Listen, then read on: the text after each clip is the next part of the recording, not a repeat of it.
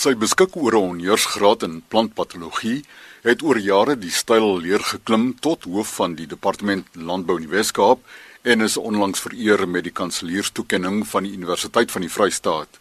Ons drink vroegoggend alreeds koffie by Joanne Isaacs hier op Elsenburg. Ek het 'n sin om werk toe te kom. Ek het rede om werk toe te kom. Landbou sukkel op die oomblik in die Weskaap. Die droogte, diere siektes, die ekonomie in sy totaliteit. Maar en ek kan dit net in Engels vir jou sê. For every dark cloud there's a silver lining. En ek dink dit is waar ons moet op voortbou.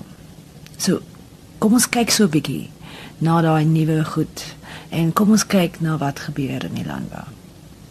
Ek dink wat vir my altyd die lekkerste is en ja, ek hou van um inkopies doen baie is om te kyk na die goed op die rakke.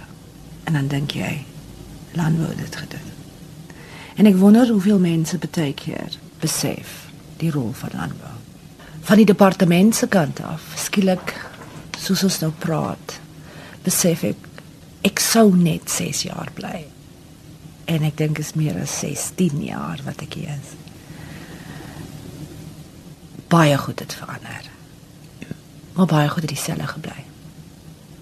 Ek dink die span wat ek het, ons is nou saam vir 10 jaar. En dit maak 'n verskil. Nie net binne 'n regeringsorganisasie nie, maar eintlik in enige organisasie.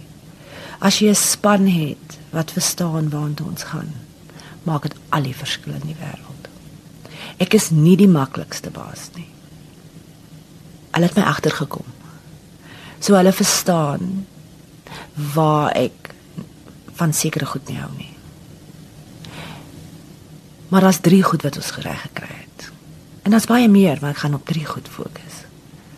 Die ene is ons het die departement se begroting uitgebrei sodat ons kan meer mense aanstel en beter dienste kan lewer. Ons het ook 'n groot hoeveelheid geld geïnvesteer in jong mense. Want my argument was nog altyd as ek in 5 of 10 jaar of vroeër gaan en ek gaan iets anders doen of ek gaan uittreë, dan wil ek hê dat die departement moet aanhou groei, maar ook die landbou sektor moet aanhou groei. En as jy nie investeer in jong mense nie, gaan dit nie gerealiseer word nie. En die derde ding is dit is innovasie. Ons almal het en ek hoop so gehoor van Vroetloek waar ons satelliet fotos gebruik om boere te help. Ons het gehoor van Cape Mapper waar ons inligting verskaf aan boere. Ons is nou besig met alternatiewe gewasse befondsing. Ons doen dit al vir die laaste 4, 5 jaar. Maar skielik, daai investering bring vir ons resultate. So vir my het ek geleer jy moet 'n goeie span hê. Jy moet 'n plan hê. Maar jy moet ook jou plan uitvoer. Ek dink een van die uitdagings vir die regering op die stadium en ek dink vir vorentoe ook is dat ons planne is briljant maar ons uitvoering van daai planne is 'n probleem. En so vir my is dit altyd die balans tussen nuwe en basis. En dan is die ander gedeelte. Hoe doen ek beter vir my kliënte? Watter innovasie het ek nodig? Watter navorsing het ek nodig? Hoeveel mense het ek nodig om die kliënte in hierdie provinsie Weskaap te help om beter te vaar. Nou wat interessant is met alles wat ek nou sê, en mense vra baie keer as jy so hard werk, wie kom dit nou eintlik agter? Wie het mense wat ons doen? En so 'n jaar gelede het die Universiteit van Vryheid ehm um, vir my ehm um, aangedui. Hulle wil graag kyk om 'n proses te begin sodat ek die die recognition te kry vir die bydrae wat ek gemaak het. Nou daar's twee goed met die ding.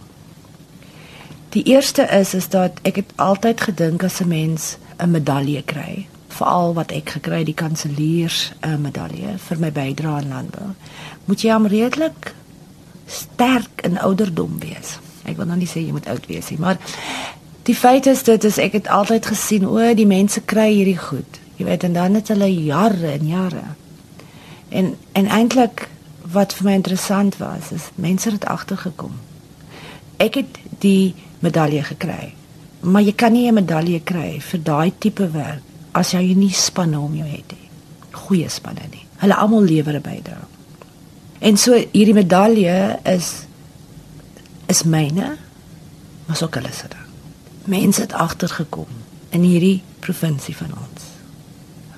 Neem ons landbou ernstig op. Ek wil nog baie goed doen. Maar ek het ook besef ek hoef nie noodwendig altyd die geld te hê nie. Maar ek moet die verhoudings hê. Die rede hoekom ons as 'n departement en ek dink as 'n landbousektor goed doen, is omdat ons bou aan ons verhoudings. Nêrens kan jy goed doen op jou eie nie. En so hierdie medalje is eintlik oor daai verhoudings. Ons het 'n gesamentlike visie. En ons verstaan dat landbou moet groei vir werkskeping vir 'n bydrae tot ons ekonomie, maar die belangrikste is dit moet groei want ons het kos nodig. Wat die boere in hierdie provinsie moet verstaan. Hoe meer hulle met ons praat, hoe beter kan ons diens wees. En ja, daar is wenners, maar daar's ook verloders baie keer. 'n Boer maak 'n plan. En ek sien dit en ek waardeer dit. Maar eintlik moet dit ons benadering ook wees as departement. Die departement maak 'n plan. Baie keer saam met boere, maar altyd met die kliënt en my werk is om seker te maak dat ons kan dienste lewer aan almal. Ons moet ons landbou groei sodat daar meer plek is vir almal. En ek dink daar's baie goeie verhoudings alreeds. Dit is waar ons ons landbou gaan stabiel kry, maar ook groei. En daar is 'n plek vir almal. En en sekere mense gaan werkers bly en sekere mense gaan boere raak. Dis hoe die lewe is. Ons werk is om daai mense te help wat maak nie saak wat hulle aspirasies is nie.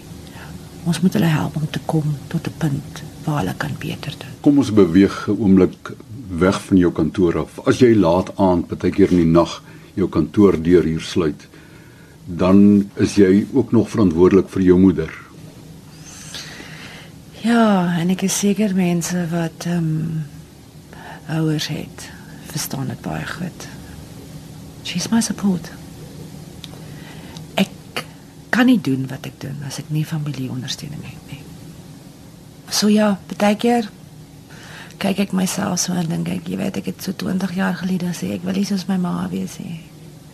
En dan dink ek eintlik is sy maar geneties kan ek nie wegbeweeg daarvan nie.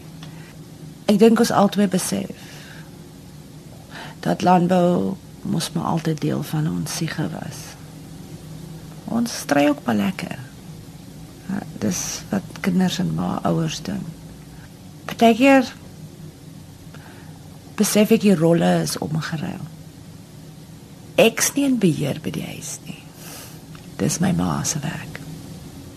Soos ek die deur toemaak in die by die kantoor, dan gaan ek ma toe en ma besluit. Dis altyd maklik en ek dink dis hoekom ons partykeer stry. Maar ons het 'n baie goeie verhouding en ehm um, ek dink ek waardeer dit omdat ek kan net doen hier omdat sy my ondersteun. Maar ek moet ook vir julle sê, ek dink my ma weet heeltemal wat ek doen nie. Ek verkies dit ook so. Maar sy altyd, sy ondersteun my altyd en ek dink dit is belangrik om dankie te sê. Die pad vorentoe vir Joanne Isaacs. Ek dink ek het nog altyd gesê, ehm um, landbou is in my bloed. Ek sal graag met jong mense wil werk want ek dink baie van hulle sukkel waantoe. As ek dink op die ouderdom van 18 moet ek 'n besluit maak. Ek het nie baie inligting gehad nie. As ek nou terugdink, sou ek dit oor wou hê? Nee. Maar hoe kry jong mense om daai gesprekke te hou om goeie besluite te maak? En ek praat nie van ehm um, moet ek gaan studeer nie. Ek praat nie van dit nie. Ek praat van jy is in die studeer. Waantoe? Wat is my toekoms? En weet jy, en ek gaan nou 'n uh, Engelse gesegde sê, there's no such thing as a free lunch. So ja, ek sit hier so, maar hoe dra ek by tot daai jong mense daar buite sodat hulle kan nog beter doen. Elke geleentheid wat ons kry, moet ons gryp. Maar as jy 18 is, verstaan jy nie dit Beteken jy verstaan dit nooit nie. So hoe maak ek om jong mense veral in die landbou ehm um, te anker. Want ek dink ons verloor ook baie van hulle na ander sektore toe. Hoe hoe verander ons dit?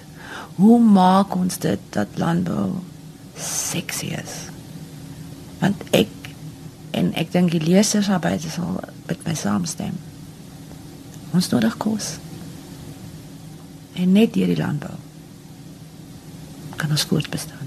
Daar lê 'n dagtaak voor en ons moet groet namens die hoof van die Wes-Kaapse Departement van Landbou, Jean Isaacs. Beste wense.